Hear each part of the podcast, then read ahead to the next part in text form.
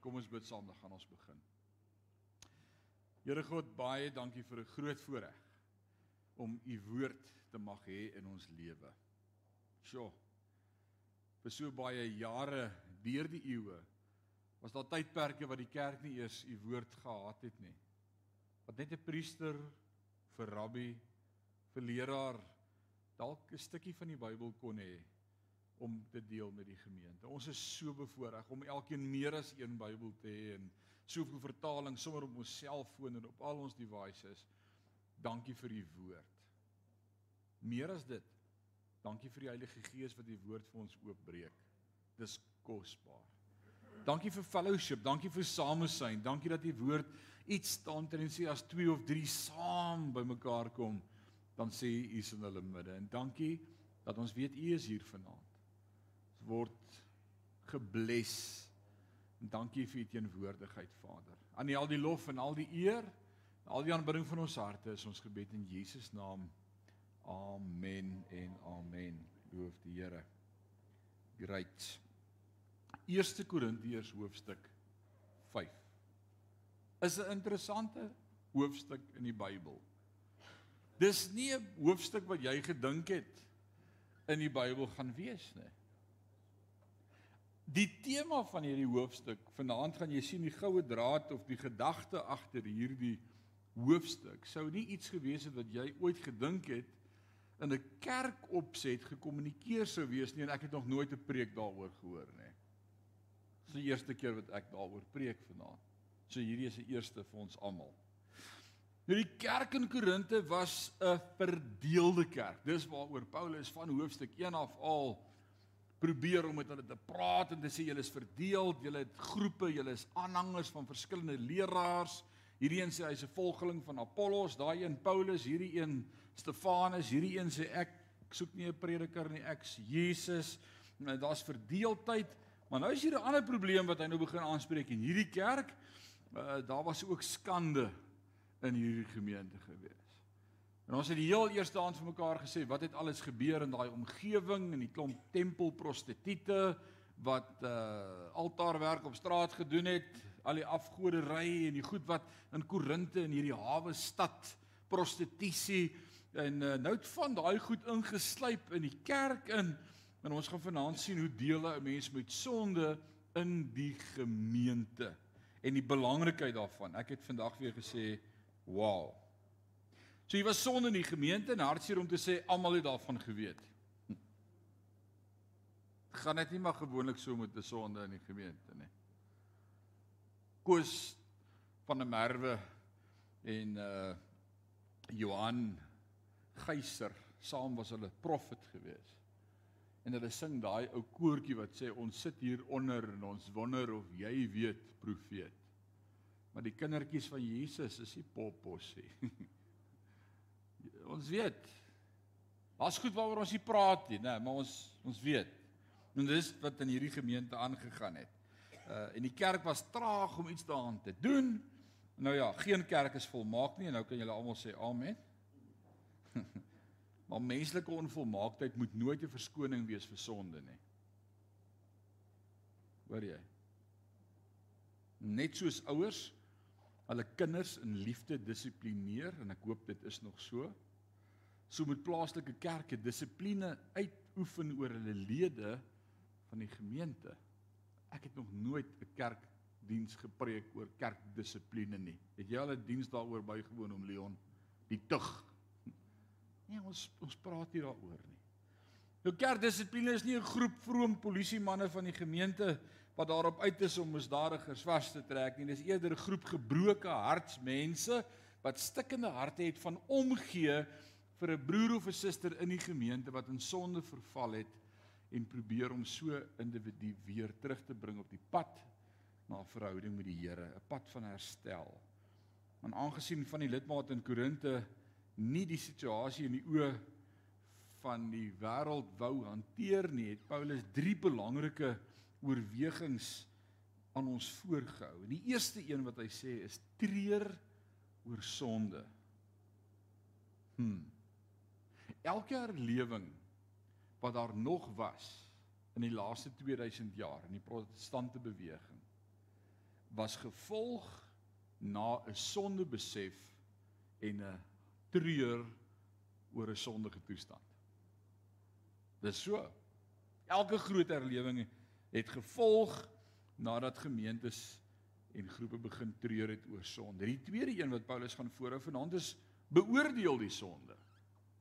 Moenie oordeel nie. Onthou Jesus leer ons in Johannes uh Matteus 7 vers 1, hy sê oordeel nie sodat jy nie geoordeel word nie, want die maat waarmee jy meet sal vir jou gemeet word. Haal eers die balk uit jou eie oog voordat jy die splinter uit die oog van jou broer probeer haal. So moenie oordeel nie. Maar die Bybel leer my wel om te beoordeel. Nou is ons altyd bang. Ons wil net nie judge nie, want ons dink oordeel en beoordeel is dieselfde woord. Dis nie dieselfde woord nie. Oordeel is ek kyk na jou en ek velle vonnis. Dis oordeel. 'n Beoordeel is ek sit die boek wat die maatstaf is langs jou en ek kyk hoe lyk my en jou lewe en ek sê vir jou, ah, ons lyk nie soos die prentjie nie. Daar's fout. Hier's die prentjie. Ek is nie die prentjie nie. Ek's nie volmaak nie. Ek het ook foute. Maar hier's die prentjie en ons moet daaraan toe streef. Dis beoordeel. Ek gebruik dit vir die gewig om te bepaal.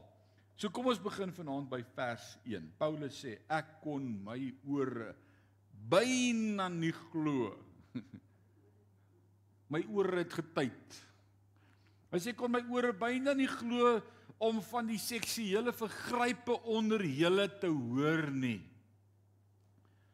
Daarna van so ernstige aard dat dit selfs nie onder die ongelowiges eers voorkom nie. Ja, dis 'n aanklag vir hierdie gemeente. Ja, hulle dog hulle is net baie lief vir mekaar. Dalk 'n bevrydingsbediening gehad. Nee, dit was 'n ander bevryding. Okay, sorry. Ek moes verneem dat daar iemand in julle gemeente is wat met sy stiefma nog in sondaak saam bly. So sy pa Sy ma is oorlede en sy pa is weer getroud en dit word sy stiefma en toe die pa wegval toe sê hy maar ek is nou hier. En nou bly hy sommer saam met sy stiefma ook nog. Dis 'n vervalle. Terrible. En selfs so vleeslik as wat die kultuur van Korinte was, het die hele stad gegons oor die lid van die Korintiërs kerk wat in onsedelikheid saam met sy stiefma geleef het. Dis nou wat gebeur in hierdie gemeente. Nou wil ek die volgende sê. Die wêreld hou steeds daarvan om Christene by onsedelikheid betrokke te sien omdat hulle hul gewete verlig en hul eie losbandige leefwyse regverdig kan word. Ouens, dis waarna die wêreld smag in die kerk. Hulle soek 'n storie, 'n sensasie en hulle kan hulle self daardeur regverdig. En Paulus sê Dit hoort nie in die kerk nie. Die kerk kan nie die wêreld se sonde regverdig nie. Hier moet ons met sonde deel. So. Om dit te weet is een van Satan se gunsteling taktieke om Christene by onsedelikheid betrokke te kry. Hy voer dieselfde toneelstuk oor en oor uit en is baie maklik vir Satan om Christene in die versoeking te bring op die gebied van sondes deur bloot die gevoel van agape wat ons vir mekaar moet hê want dis God se liefde. En ek beskryf dit om te sê die omgee mededeelsaamheid teerheid besorgdheid en deernis waarmee gelowiges geroep is om te wandel want dit moet in die kerk wees. En die duiwel kry dit reg om daai agape om te skakel en 'n eros in jou hart te wek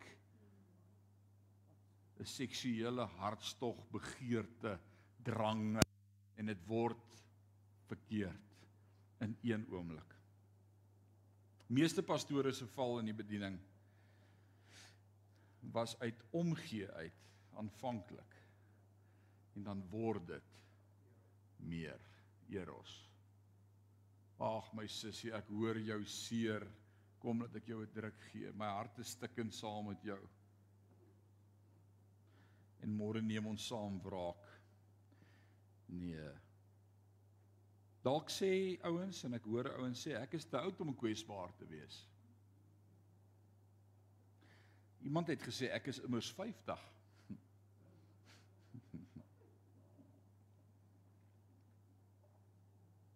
Hoe oud was Dawid toe hy versoek is met Batsheba? Weet julle hoe oud was hy? Was hy 'n jong man in sy 20's? Hy was 50. Hy was oud. In die oë van daai klomp wat agter is 50 stok oud. 50. Jy's nooit te oud om in sonde te verval nie. Kan ek dit sê? Nooit te oud. Nooit te oud nie. Vers 2 sê en dan is julle nog so trots op julleself. Hierdie gemeente is actually nog trots op hulle. Hoekom?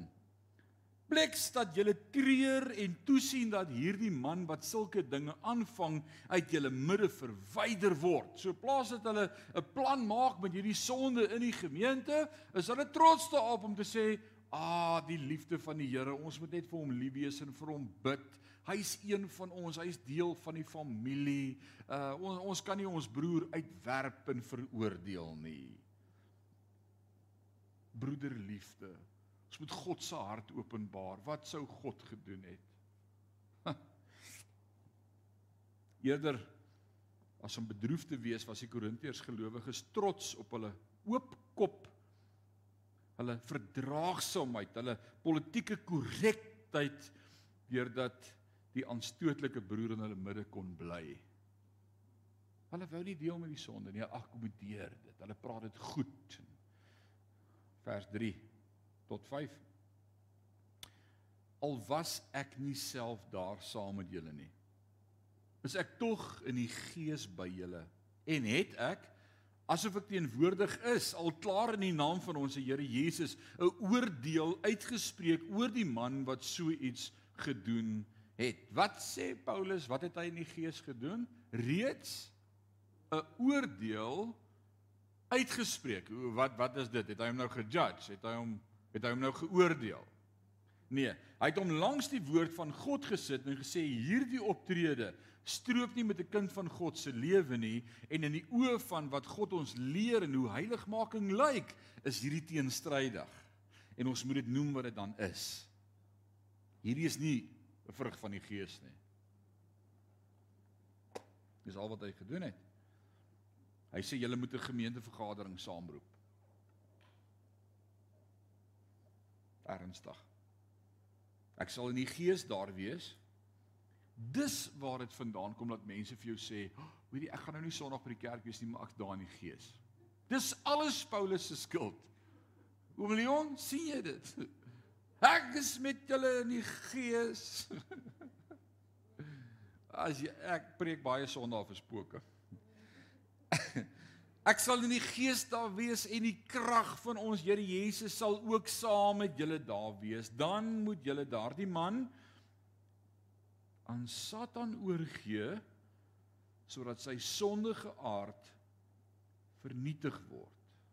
Maar hy self verlos kan word op die oordeelsdag. Imagine hierdie taktik. dat Paulus hierdie ding sê, gee hom oor aan die duiwel om gepynig te word sodat sy siel dalk gered kan word. Paulus se opdrag aan die Korintiërs was dat hulle hierdie man in die hand van Satan moes oorlewer, nie vir verdoemenis nie, maar vir herstel. Sodat sy vlees vernietig, maar sy gees gered sou word. En dit is waar julle gemeentelik verdeel moet word, sê Paulus. Hy sê daar's verdeeldheid onder julle. Julle het elkeen sy eie prediker. Maar die goed waaroor julle verdeeld moet wees, is die goed waaroor julle in eenheid is. Julle akkommodeer sonde. Dis onaanvaarbaar.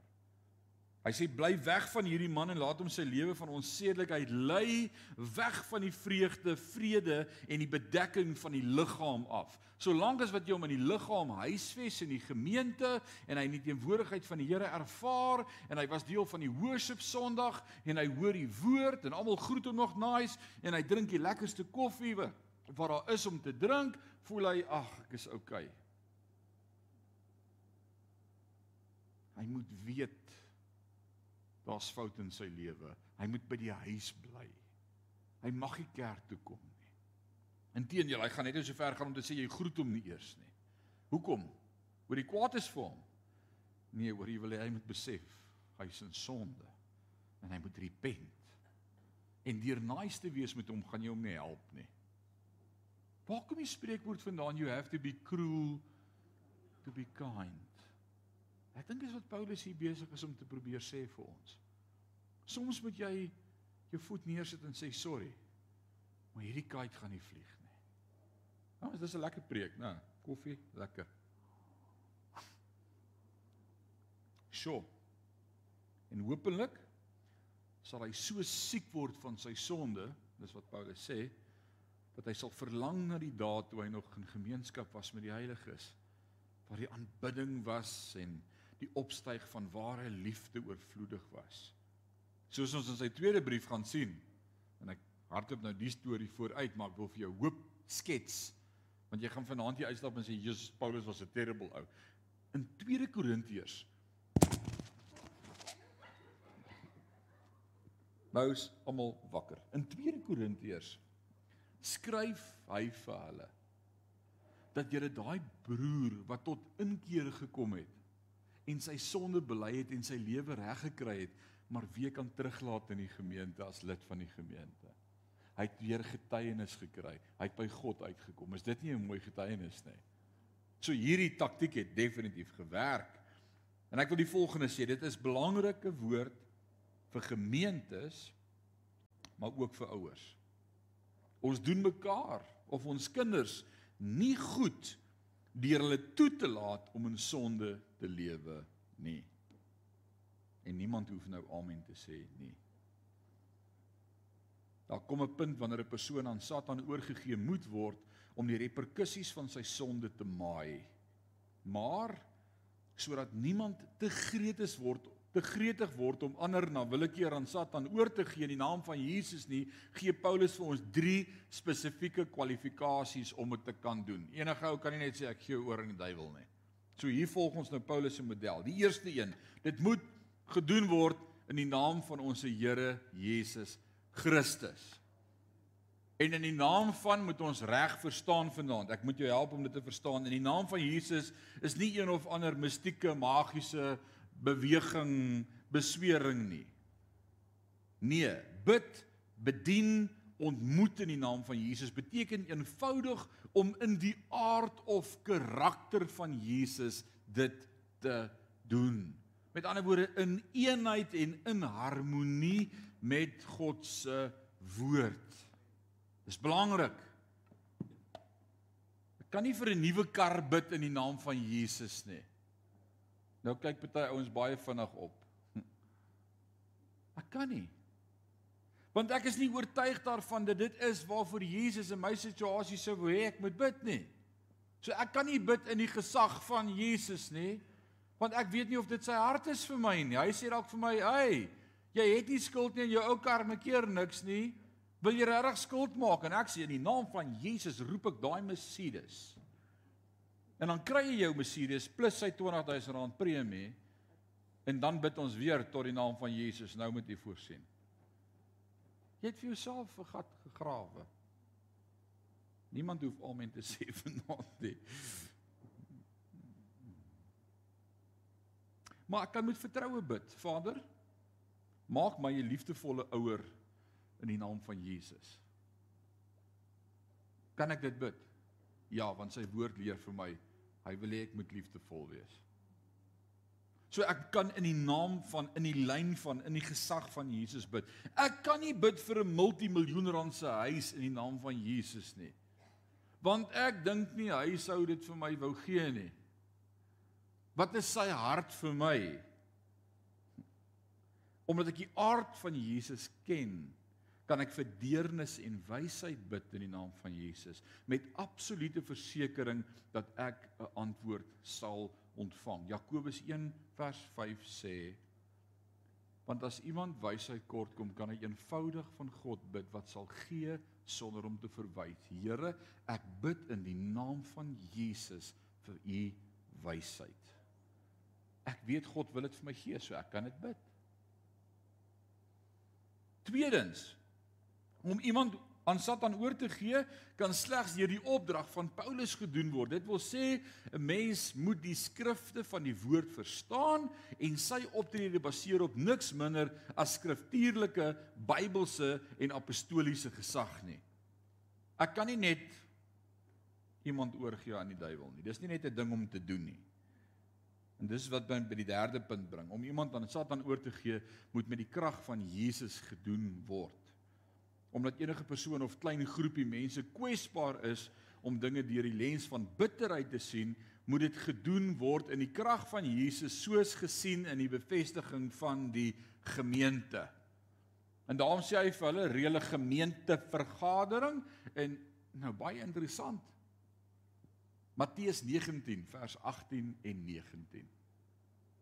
Waar twee oor 'n saak saamstem op aarde dit sal hulle te beurt val.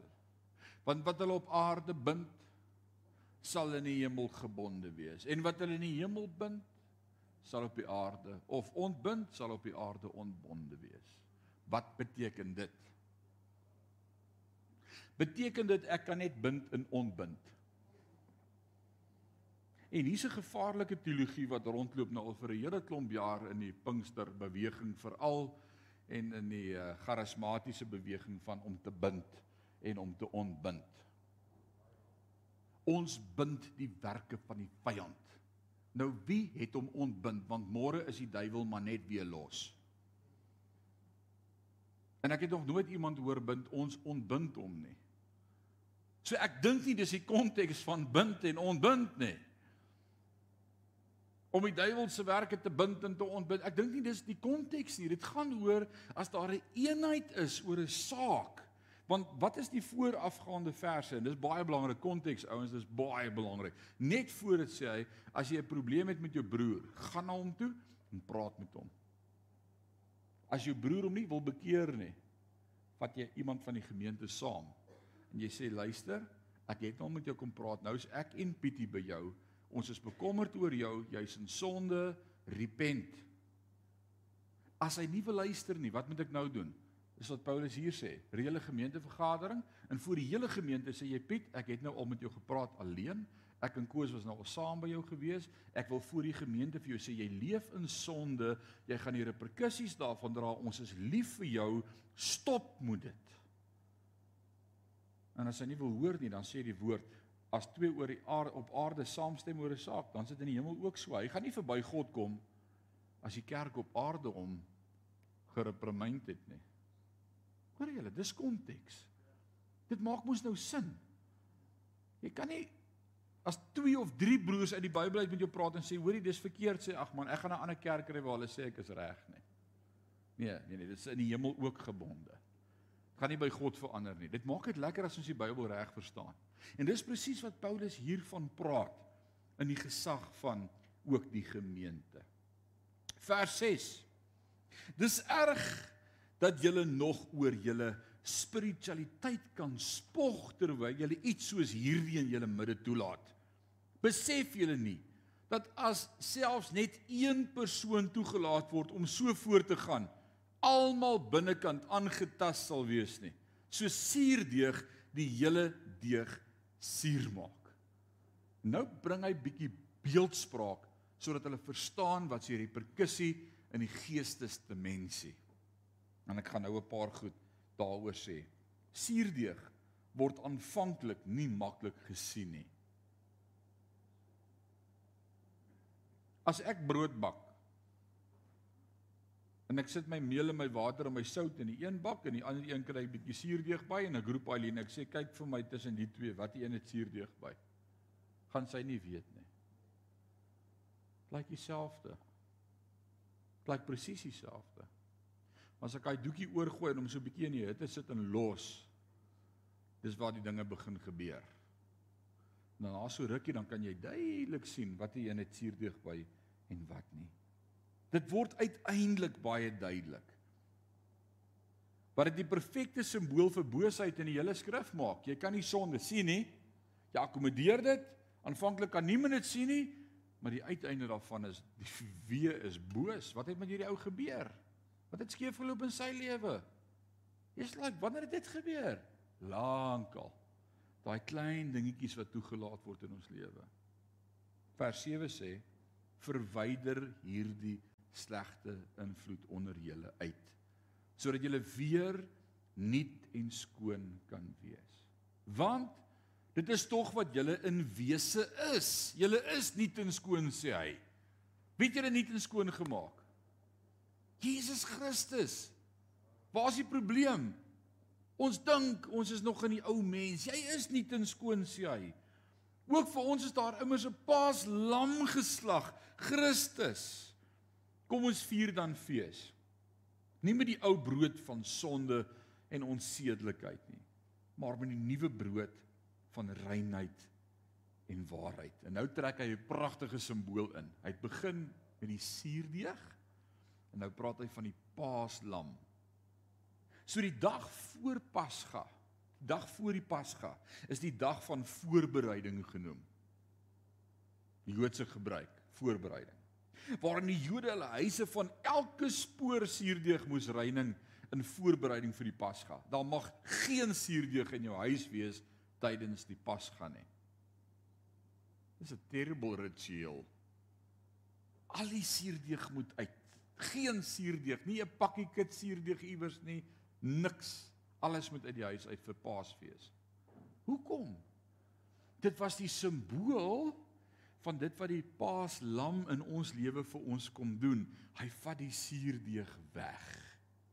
Geen sonde meer 'n kind van God se lewe nie, want die lam, die Paaslam kom maak alles nuut. Oh, dis 'n pragtige prentjie. Alraight.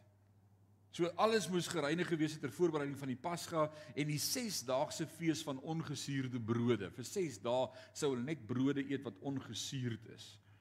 En Paulus gebruik hierdie bekende begrip as 'n oproep tot hertoewyding, tot heiligheid, tot reinheid van die kant van die Korintiërs se liggaam. Die prentjie vir ons is dat Egipte, nou onthou Egipte en suurdeeg is altyd 'n tipe van sonde altyd in die Bybel. So die prentjie vir ons is dat Egipte, die wêreld dat ons Egipte verlaat het deur die bloed van die paaslam wat vir ons aan die kruis gestort is. En nou sê hy laat ons dus voortgaan vanaf hierdie punt sonder suurdeeg, sonder die geheime sondes wat so maklik deur ons gemeenskappe opgeblaas en versprei word. Kom op 'n plek wat jy kan sê ek is sonder sonde.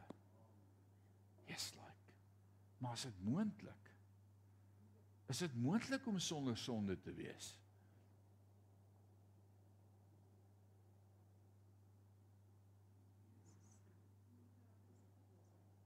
Dis 'n daaglikse stryd. En hoe meer ek sterf vir die vlees en hoe meer die gees gestalte kry, en God gestalte kry in my en daai proses noem ons heiligmaking. The things i used to do i do them no more. Ja daar's ander dinge waarmee ek struggle maar ek gee vir die vlees geen vat kans nê dis moeilik. Ek dink ek het al ooit by iemand gekom wat vir my sê, "Ooh, ek sukkel glad nie meer met sonde nie." Die ou tannie van 85 wat in die bed lê, sal nog baie keer as iemand daar wil kom was dink, mm, "Ons struggle almal." Maar hoe meer ek in die woord is, hoe meer verander my gedagtes, hoe meer verander my lewe. Sjoe vers 9. In my vorige brief het ek vir julle geskryf dat julle nie met mense moet assosieer wat 'n onsedelike lewe lei nie. sien jy in my vorige brief, maar hierdie is dan 1 Korintiërs. Ah. Die vorige brief het ons nie. Hierdie is 2 Korintiërs. Daar's 'n paar keer in die Bybel in in 1 Korintiërs wat hy gaan vermeld in sy vorige brief, maar ons het dit nie. En dis jammer, dis baie hartseer. En ek dink party van ons kan baie bly wees. Ons het nie daai brief nie. In my vorige brief het ek vir julle geskryf dat julle nie met mense moet assosieer wat aan ons sedelikheid lewe nie. daarmee het ek hoegenaamd nie die ongelowiges van die wêreld bedoel wat onsedelike lewe lei of gierigaards of swendelaars of afgodedienaars nie. Om dit reg te kry, sou julle hierdie wêreld net moes verlaat. Hier kom 'n interessante stelling uit hierdie twee verse uit. Vers 11 sê wat ek bedoel het is wat ek nou in hierdie brief bevestig. Julle moenie in die gemeente assosieer met iemand wat op Christendom aanspraak maak en ten spyte daarvan 'n onsedelike lewe lei of 'n gierigaard of 'n afgodsdienaar of kwaadsteker of dronkaard of swendelaar is nie. Jy moenie eers saam met so iemand eet nie. Yes. Hierdie is 'n tawwe stuk om te verstaan. En ek wil hê omdat ons hierdie stuk onder die knie moet kry vanaand want dit is actually so amazing as ons dit snap. Die Griekse woord en, en dis een ding van die Grieks, die van julle wat bietjie tale gedoen het of tale swat of tale gehad het in die Grieks veral kan een woord in die Afrikaans kan 6 of 8 verskillende Griekse woorde wees. Dit kan die manlike vorm, die vroulike vorm, die enkelvoud, die meervoud die verlede, die hede tot die tyd word bepaal deur die woord. So uit hierdie gedagte uit in die Grieks in die konteks van hierdie gedeelte word dit duidelik gemaak dat ons nie die een wat in hierdie sondes verval het en daarmee worstel net van ons gemeenskap moet afsny nie, maar die een wat bewustelik herhaaldelik voortdurend daar wil bly. Is dit nie wat 1 Johannes sê as Johannes skryf en sê as julle dan nou opsetlik aanhoudend moedswillig aanhou met sonde, is daar vir julle geen offer meer oor nie. Dis presies wat dit sê. So dit help my om te verstaan, daar's 'n broed in die gemeente wat val en hy't berou en hy huil en ons kan hom herstel want ons berou. Ons bekering. Ons maak almal foute. Maar die broer wat sê los my, ek weet wat ek doen. Die Here het vir my gesê dis my nuwe vrou. Paulus sê, "A, uh -uh. dis die ou van wie jy jou distansieer en sê ek kan nie eers meer saam met jou eet nie." Hoekom nie? Hoekom? Ek glo die eerste rede is om die oortreding reg te stel. As ek gewas As 'n gewas in my liggaam sou groei, sal daar geen bevoegde dokter sê ek gaan nie op jou opereer nie, want ek wil nie te hard op jou wees nie. Ek gaan eerder die gewas los want ek is jammer vir jou. Rarig. Dit doen dit werk. Wat sê die dokter? Ons moes jou al gister geopereer het. Jammer vir jou liggaam het gaan vat, maar die beste vir jou is daai ding uitkom. Nou. Hanteer dit. So om 'n ding te los is nie die regte approach nie. Dis wat Paulus hier vir ons sê. As ek regtig vir iemand omgee, sal ek sê ek gaan nie met jou gemeenskap hê nie. Nie omdat ek kwaad is vir jou of omdat ek nie lief is vir jou nie. Inteendeel, ek gee so baie om vir jou dat ek nie kan toelaat dat jy aangaan asof daar niks in jou lewe verkeerd is nie. Want vroeër of later sal die gewas van sonde in jou 'n verskriklike tol op my ook eis. Wat se tol? Wat se tol gaan jou sonde in my eis? Kom ek verduidelik dit vir jou. Lazarus sterf. Wie van julle het vir Lazarus geken in die Bybel? Ons lees van hom, né? Johannes 11. Lazarus sterf. Hy kry nuus, Jesus kry nuus saam met sy disippels Lazarus is siek. Jesus sê ek tel hom 'n paar dae, ek wil nie dadelik gaan nie. Naderhand sê hy vir sy disippels Lazarus is dood. Hulle sê nee, hy sê hy slaap net. Slaap is goed vir 'n siek mens. Hy gaan gesond word. Jesus sê ek sê vir julle Lazarus is dood en ek is bly daaroor. Want nou kan die seun van die mens verheerlik word en hulle verstaan dit nie. En dan gaan hulle nou op en dan kom watter suster eerste by Jesus?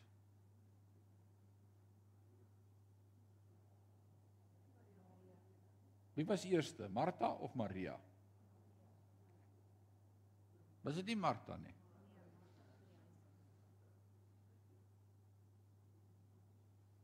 OK. Maria. Julle sê Maria. Martha kom eerste by Jesus. Onthou Maria sit by die voete. Sy is in haar binnekamer, sy is opset. Martha is die een wat rondhardloop om werk. Sy sien hom aankom, sy kom eerste uit. Gaan lees bietjie daar. Johannes 11 vers 21 tot 32. Check my. En dan kom Martha na Jesus toe en sy het hierdie relaas wat sy omspin en sê as u hier was sou dit nie gebeur het nie. Ja, ek glo in die opstanding van die dode, maar Jesus, dit sou nice wees as my broer nog lewe. En dan praat Jesus met haar en dan net so 'n paar minute later het Maria presies dieselfde woorde as wat Martha geuiter het. Wat s'ie toeval dat twee mense dieselfde praat? Hulle tyd saam spandeer wat vir my wat leer. Daar's 'n spreekwoord wat sê birds of a feather flock together. En as jy bevriend is met daardie ou wat sonde in sy lewe akkommodeer en jy kyk verby dit en jy kuier maar nog steeds saam met hom en jy's nice met hom en dis jou pel en dis jou broertie en dis jou vriend en jy gooi 'n dowe oor vir dit, is dit die goed later wat in jou lewe gaan manifesteer waarvoor jy jou gaan blind hou wat jou lewe ook gaan verwoes want jy's gewoond daaraan. Want dis die gevaar van sonde. En nou sê niemand amen nie. Maar dis die waarheid. Dis wat sonde doen. Nee, ek het nie 'n probleem met 'n dop nie. Sit jy, drink jou dop, ek sit net hier by jou. nice gaan nie vir altyd so wees nie. Ons begin dink en praat soos diegene met wie ons tyd spandeer. Kan iemand sê dis die waarheid? Met wie spandeer jy tyd? Ons neem die geur van die ander persoon rondom ons aan. Die vibe, die attitude. Dis oordraagbaar. Gesindheid is oordraagbaar.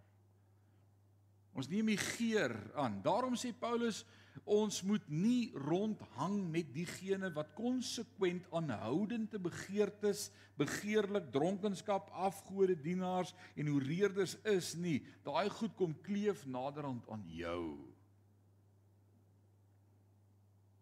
En dan sê jy maar wat het ek gedoen?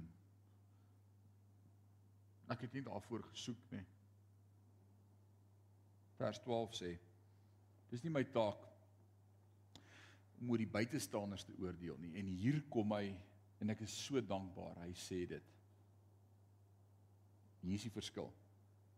Dis nie my taak om oor die buitestanders te oordeel nie, maar dit is tog sekerlik julle verantwoordelikheid om te oordeel oor die binne die gemeente. Sê saam met my binne binne die gemeente wat hulle op hierdie manier skuldig maak. God sal sy oordeel vel oor hulle wat buite staan. Wie sal oordeel oor die buite?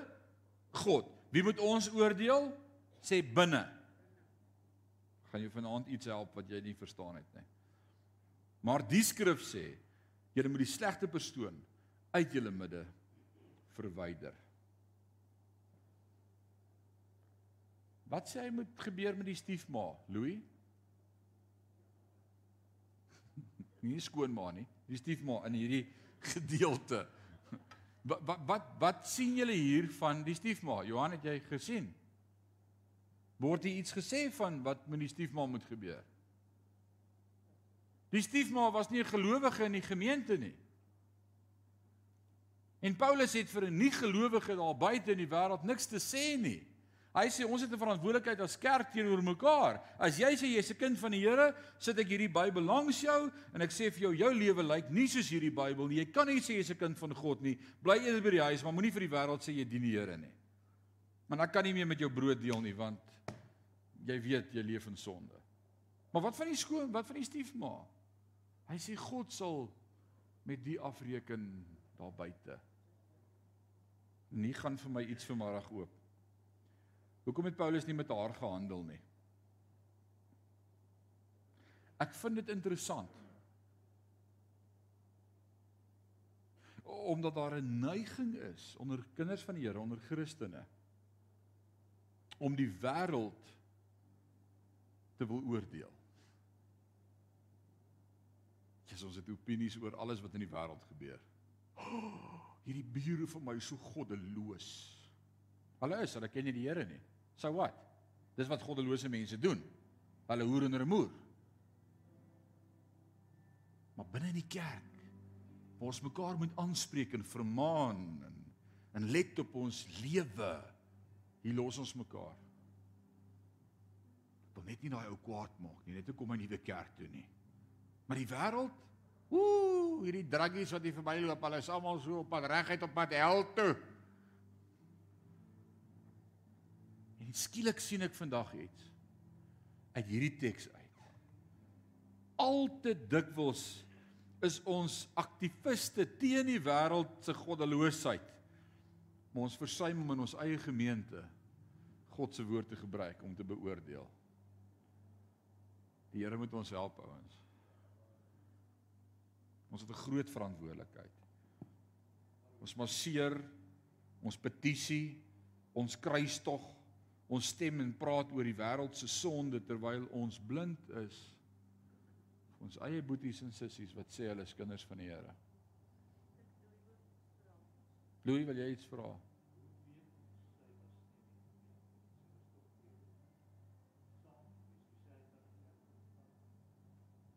Die feit dat Paulus nie daaroor iets sê nie en wat hy wel sê is ons oordeel nie die wêreld nie. Dis my antwoord. Want anders sou hy vir haar ook iets gesê het maar hy praat net met die broer want hy was deel van die gemeente, hy was 'n broer. Wat vir my sê ek dink nie die stiefma was deel van die gemeente nie. Alraai. Ons sit dit presies agteruit. Ons moet met die Christelike gemeenskap handel en God vir die wêreld se ongeregtigheid laat los. En ek hoop dit help jou vanaand om bietjie jou optrede te herprioritiseer. Jesus ons het baie te sê oor die wêreld en die sonde en die misdade en wat gebeur en wie waar kuier en die drinkplekke en al die ander goeters. Dis nie ons bekommernis nie. Let op jouself. Kom ons wees accountable teenoor mekaar. As jy boetie of sussie sien wat val of wat iets het in jou lewe, vat die Bybel en sê en dis ons derde vraag as ons iemand doop. Kan jy dit onthou? Elke keer voor ek iemand doop, is dit die derde vraag. Kan jy voor almal hier bevestig dat die woord van God die hoogste gesag in jou lewe is en dat ons vrymoedigheid mag neem om as ons iets in jou lewe sien wat nie reg is nie, met jou te kom praat oor die woord van God? Ja, natuurlik, doop my net. Maar my man, as jy met my kom praat, is jy hellos. Dis nie 'n kind van God se gesindheid nie. Nathan kom by Dawid en hy sê Dawid daar was 'n man 'n ryk man alles gehad het toe kry kuiermense en toe slag hy sy ou bure se enigste lammetjie wat hulle gehad het in die huis hy was soos 'n kind in die huis vir hulle dit was dit was hulle lam en dan sê Dawid die man wat dit gedoen het moet sterf en dan sê Nathan vir hom So jy lyk En wat doen Dawid? Dis van die mooiste voorbeeld en ek verstaan iets van hoekom Dawid 'n man na God se hart was. Hy repent. En sy hart breek en hy huil en hy sê: "Nathan, ek het teen God gesondig. Bid vir my." Daar's herstel, daar's altyd herstel vir kind van God wat val. Daar's altyd herstel. Bely jou sonde en kry klaar daarmee. Maar moenie aanhou daarmee nie. Moenie dit akkommodeer en goed praat en sê dis nou maar hoe ek is nie. Nee. Ek hoop dit help jou vanaand. Dit het my baie gehelp vanmôre hierdie teks. Dis 'n wille teks, Antie. Dis 'n wille teks. Kom ons bid saam. Vader, dankie vir u woord. Dankie dat Paulus nie doekies omdraai oor hoe om te deel met dinge in die gemeente nie. En dis vanaand vir ons van baie waarde. Ons is baie vinnig om die wêreld te oordeel. En nie kinders van die God vir hulle te wys hulle is verkeerd of oor hulle te praat en te vertel hoe terrible die wêreld is en wat in die wêreld aangaan en die, Ja, u sê ons kan dit vir u los. U u u is die God, u sal oordeel. Maar hier in die gemeente in in in in broederskap daar ons saam in die huis is, wil ek bid vir accountability. Wil ek bid dat u ons sal help om aan mekaar verantwoording te kan doen. Daar waar ons sien iemand is swak en iemand val en daar waar ons dinge hoor wat in ons eie gemeente en onder lidmate in gemeentes gebeur wat ons oor stil bly, nie iemand wil afronteer nie. Gee ons die guts en die boldness om dit te hanteer op God se manier sodat mense se siele gered sal word.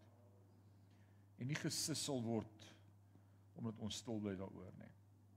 Heiligmaking, Vader, is vir U belangrik. En ek wil bid dat U ons die krag en die autoriteit sal gee om volgens U Bybelse model te werk met mekaar in ons gemeentes, in ons gesinne, met ons kinders, in ons families. Mag ons God se manier gebruik. Ons eer U daarvoor. Gee ons wysheid, Here. U woord sê Jakobus 1:5 as iemand wysheid kort kom, kan ons eenvoudig van God bid wat gee sonder om te verwyd. En ons eer U daarvoor. Ons bid vanaand, ons het wysheid nodig. Ons kom met kort elke dag. En ek wil bid bless ons met wysheid. Bless elkeen van ons met wysheid. Ons eer U daarvoor in Jesus naam. Amen en amen. Loof die Here.